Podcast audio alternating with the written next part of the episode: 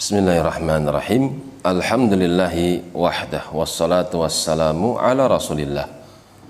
Wa ba'd. Masih di dalam surah Az-Zukhruf sampai pada firman-Nya wala yamliku alladhina yad'una min dunihi syafa'ah.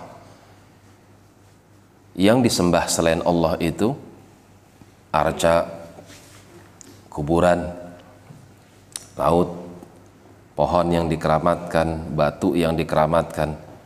Mereka nggak punya syafaat di sisi Allah. Sama sekali. Illa man syahida bil haqq.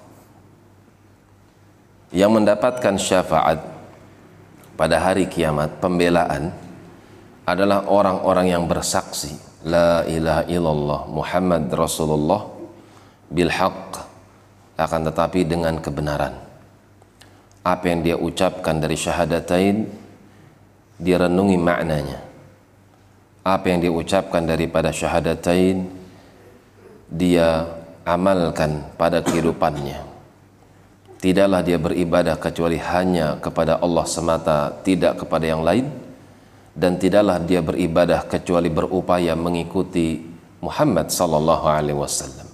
Wa hum ya'lamun dan mereka dalam keadaan sadar mengetahui persaksian tersebut.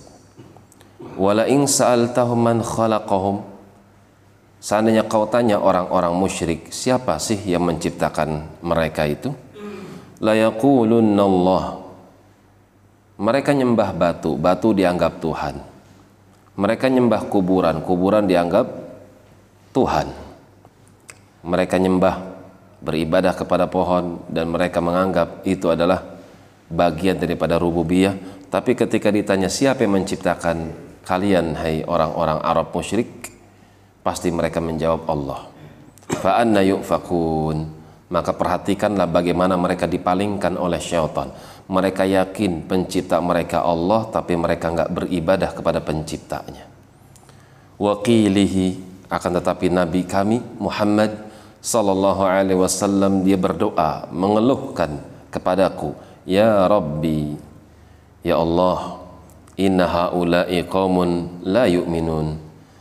Mereka sampai detik ini aku dakwahi mereka adalah kaum yang tidak juga mau beriman. Bahkan mereka mencela mereka mencaci mereka memaki dan melakukan tindakan-tindakan bodoh Allah menasihati nabinya sallallahu alaihi wasallam fasfah anhum. Sudah.